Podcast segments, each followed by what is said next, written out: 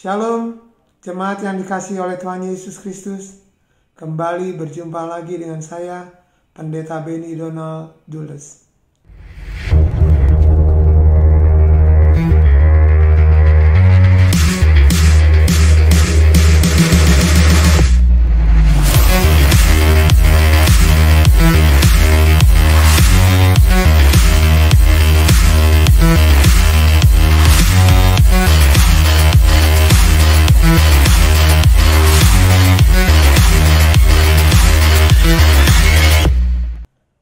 Hari ini kita belajar satu tema yang sangat penting sekali. Terlebih pada masa-masa pandemi seperti sekarang ini, kita tahu penyakit virus corona merajalela di mana-mana. Kita perlu perlindungan. Kita perlu seseorang, satu pribadi yang dapat melindungi kita supaya kita tidak terpapar, kita tidak kena celaka, sebab kejahatan dunia juga merajalela. Saat-saat ini kita perlu pemeliharaan Tuhan. Karena itu, tema hari ini adalah dipelihara di dalam kuasa nama Yesus. Dipelihara dalam kuasa nama Yesus. Kita perlu sekali pemeliharaan ini. Nah, kita belajar ya. Tuhan Yesus berdoa untuk kita semuanya. Kita baca di dalam Yohanes 17 ayat 11 dan 12. Yohanes 17 ayat 11 dan 12. Demikian bunyi firman Tuhan. Dan aku tidak ada lagi di dalam dunia, tetapi mereka masih ada di dalam dunia. Dan aku datang kepadamu, ya Bapa yang kudus, peliharalah mereka dalam namamu, yaitu namamu yang kau berikan kepadaku, supaya mereka menjadi satu sama seperti kita. Ayat 12. Selama aku bersama mereka, aku memelihara mereka dalam namamu, yaitu namamu yang telah kau berikan kepadaku. Aku telah menjaga mereka, dan tidak ada seorang pun dari mereka yang binasa, selain daripada dia yang telah ditentukan untuk binasa, supaya genaplah yang tertulis dalam kitab suci. Jadi Tuhan Yesus berdoa kepada Bapa di surga supaya Bapa memelihara, menjaga, melindungi kita dari segala yang jahat dan dilindungi, dipelihara di dalam namamu, nama Bapa, yaitu yang nama yang diberikan pada anak. Jadi nama Bapa, nama anak adalah Yesus Kristus. Sampai dua ayat ini, bahkan tiga kali dalam namamu dikatakan yang kau berikan kepadaku. Jadi Tuhan Yesus berdoa, kalau Tuhan Yesus berdoa untuk kita kepada Bapa, Bapa pasti akan melakukannya, betul? Karena Yesus adalah kebenaran. Sebagai anak, dia berdoa kepada Bapaknya. Makanya nanti, ya Bapa yang kudus, pelihara mereka, maksudnya saudara dan saya dipelihara di dalam namamu yaitu namamu yang kau berikan kepadaku. Jadi nama Bapa diberikan pada anak, yaitu Yesus Kristus. Sebab kita tahu keselamatan itu tidak ada lain, tidak ada di dalam nama lain, kecuali di dalam nama Yesus Kristus. Dalam kisah Rasul 4 ayat 12 berkata, Kisah Rasul 4 ayat 12, Dan keselamatan tidak ada di dalam siapa pun juga selain di dalam Dia. Sebab di bawah kolong langit ini tidak ada nama lain yang diberikan kepada manusia yang olehnya kita dapat diselamatkan. Siapa namanya? Yesus Kristus, Tuhan dan Juru Selamat kita. Amin. Jadi kuasa nama Yesus dapat memelihara saudara dan saya dari segala yang jahat. Sebab nama itu penuh kuasa untuk menyelamatkan kita. Kuasa untuk melindungi, menjaga, dan memelihara kita semuanya. Amin Bapak Ibu sekalian. Saya tahu di dalam Wahyu 14 ayat 1. Wahyu 14 ayat 1 dikatakan semua yang percaya itu di dahinya Ada nama Bapa, nama Anak, ada nama Yesus. Saudara dan saya yang percaya dan dibaptis dalam nama Yesus, kita menerima nama Bapa, nama Yesus, yaitu nama Yesus Kristus. Yesus di dahi kita. Amin. Gak, tidak dengan tinta, tetapi dimeteraikan oleh Roh Kudus. Kita nggak bisa melihatnya dengan masalah kita, tapi Tuhan tahu siapa miliknya. Kita ini milik Yesus, sebab kita semua telah ditebus dengan darah Yesus. Amin. Maukah Bapak Ibu sekalian, kita semuanya dipelihara di dalam kuasa nama Yesus Kristus? Mau? Tiga hal yang kita perlu pelajari. Yang pertama, Bagaimana supaya kita dipelihara dalam nama Tuhan Yesus Kristus? Yang pertama, kita harus dibaptis dalam nama Yesus. Dibaptis di dalam nama Yesus Kristus. Di dalam kisah Rasul 2 ayat 38, kisah Rasul 2 ayat 38 berkata, Jawab Petrus kepada mereka, Bertobatlah dan hendaklah kamu masing-masing memberi dirimu dibaptis dalam nama Yesus Kristus untuk pengampunan dosamu, maka kamu akan menerima karunia Roh Kudus.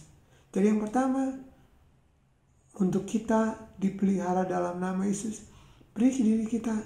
Kita bertobat, kita dibaptis. Jadi ingat, saudara semuanya yang belum dibaptis, dibaptis air, berilah dirimu dibaptis di dalam nama Yesus Kristus untuk pengampunan dosa, maka kita akan menerima karunia Roh Kudus. Roh Kudus akan memeteraikan nama Bapa, nama Anak, yaitu Yesus Kristus di dahi kita.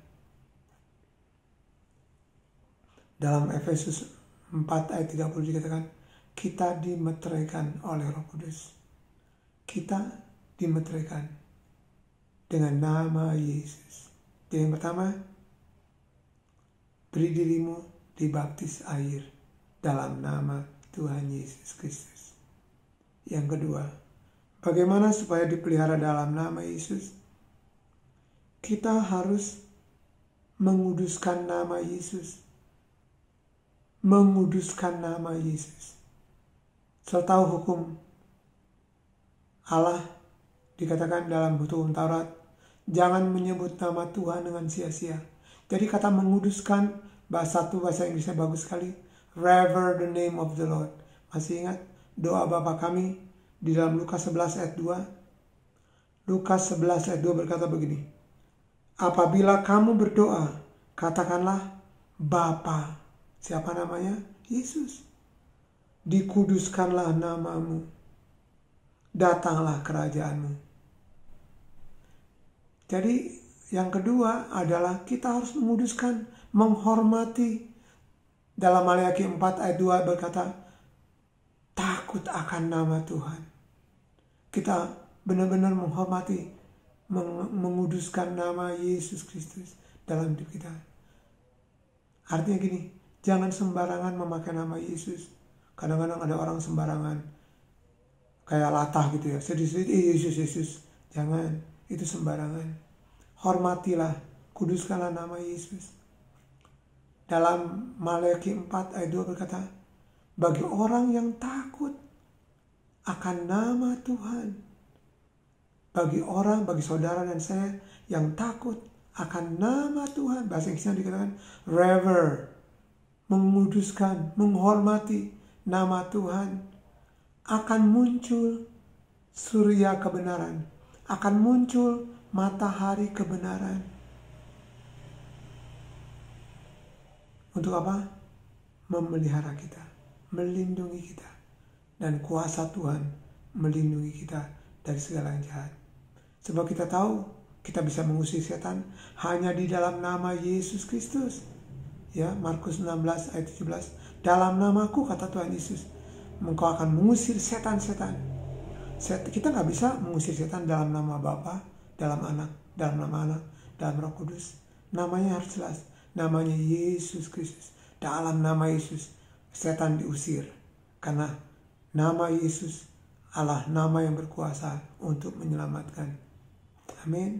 Yang pertama, beri dirimu dibaptis dalam nama Tuhan Yesus Kristus. Yang kedua, kuduskanlah nama Tuhan Yesus. Hormatilah, takutlah akan nama Tuhan. Maka kita akan mengalami pemeliharaan dalam nama Tuhan Yesus. Yang ketiga, bagaimana supaya dipelihara dalam nama Yesus? Yang ketiga adalah doa 10 detik. Apa sih doa 10 detik? Kita baca yuk dalam Kolose 3 ayat 17. Kolose 3 ayat 17, saya memakai istilah doa 10 detik. Dikatakan begini. Dan segala sesuatu apa pun yang kamu lakukan dengan perkataan atau perbuatan, lakukanlah semuanya itu dalam nama Tuhan Yesus sambil mengucap syukur oleh Dia kepada Allah Bapa kita. Jadi yang ketiga, doa 10 detik bicara tentang sebelum kita mengatakan apa pun, sebelum kita berbicara dengan siapa pun, sebelum kita melakukan apa pun juga, mari kita berdoa mengucap syukur kepada Bapa di surga. Dan lakukanlah semuanya itu dalam nama Tuhan Yesus. Ya sebelum melakukan apa pun, doa dulu. Mau makan, mau mandi, mau sikat gigi, mau tidur, mau berangkat ke kantor, ke sekolah, mau ke kampus, mau buka toko, mau buka restoran, datang berdoa. Doanya bagaimana? Sederhana. Sederhana. Misalnya, Bapak Ibu sekalian mau buka toko. Bapak di surga, terima kasih untuk toko ini. Kami serahkan hari dalam tanganmu. Dalam nama Yesus aku membuka toko ini. Kalau seorang mau, mau sikat gigi, mengucap syukur Bapak terima kasih untuk gigi yang sehat dan baik. Aku mau sikat gigi dalam nama Tuhan Yesus. Kan cuma 10 detik.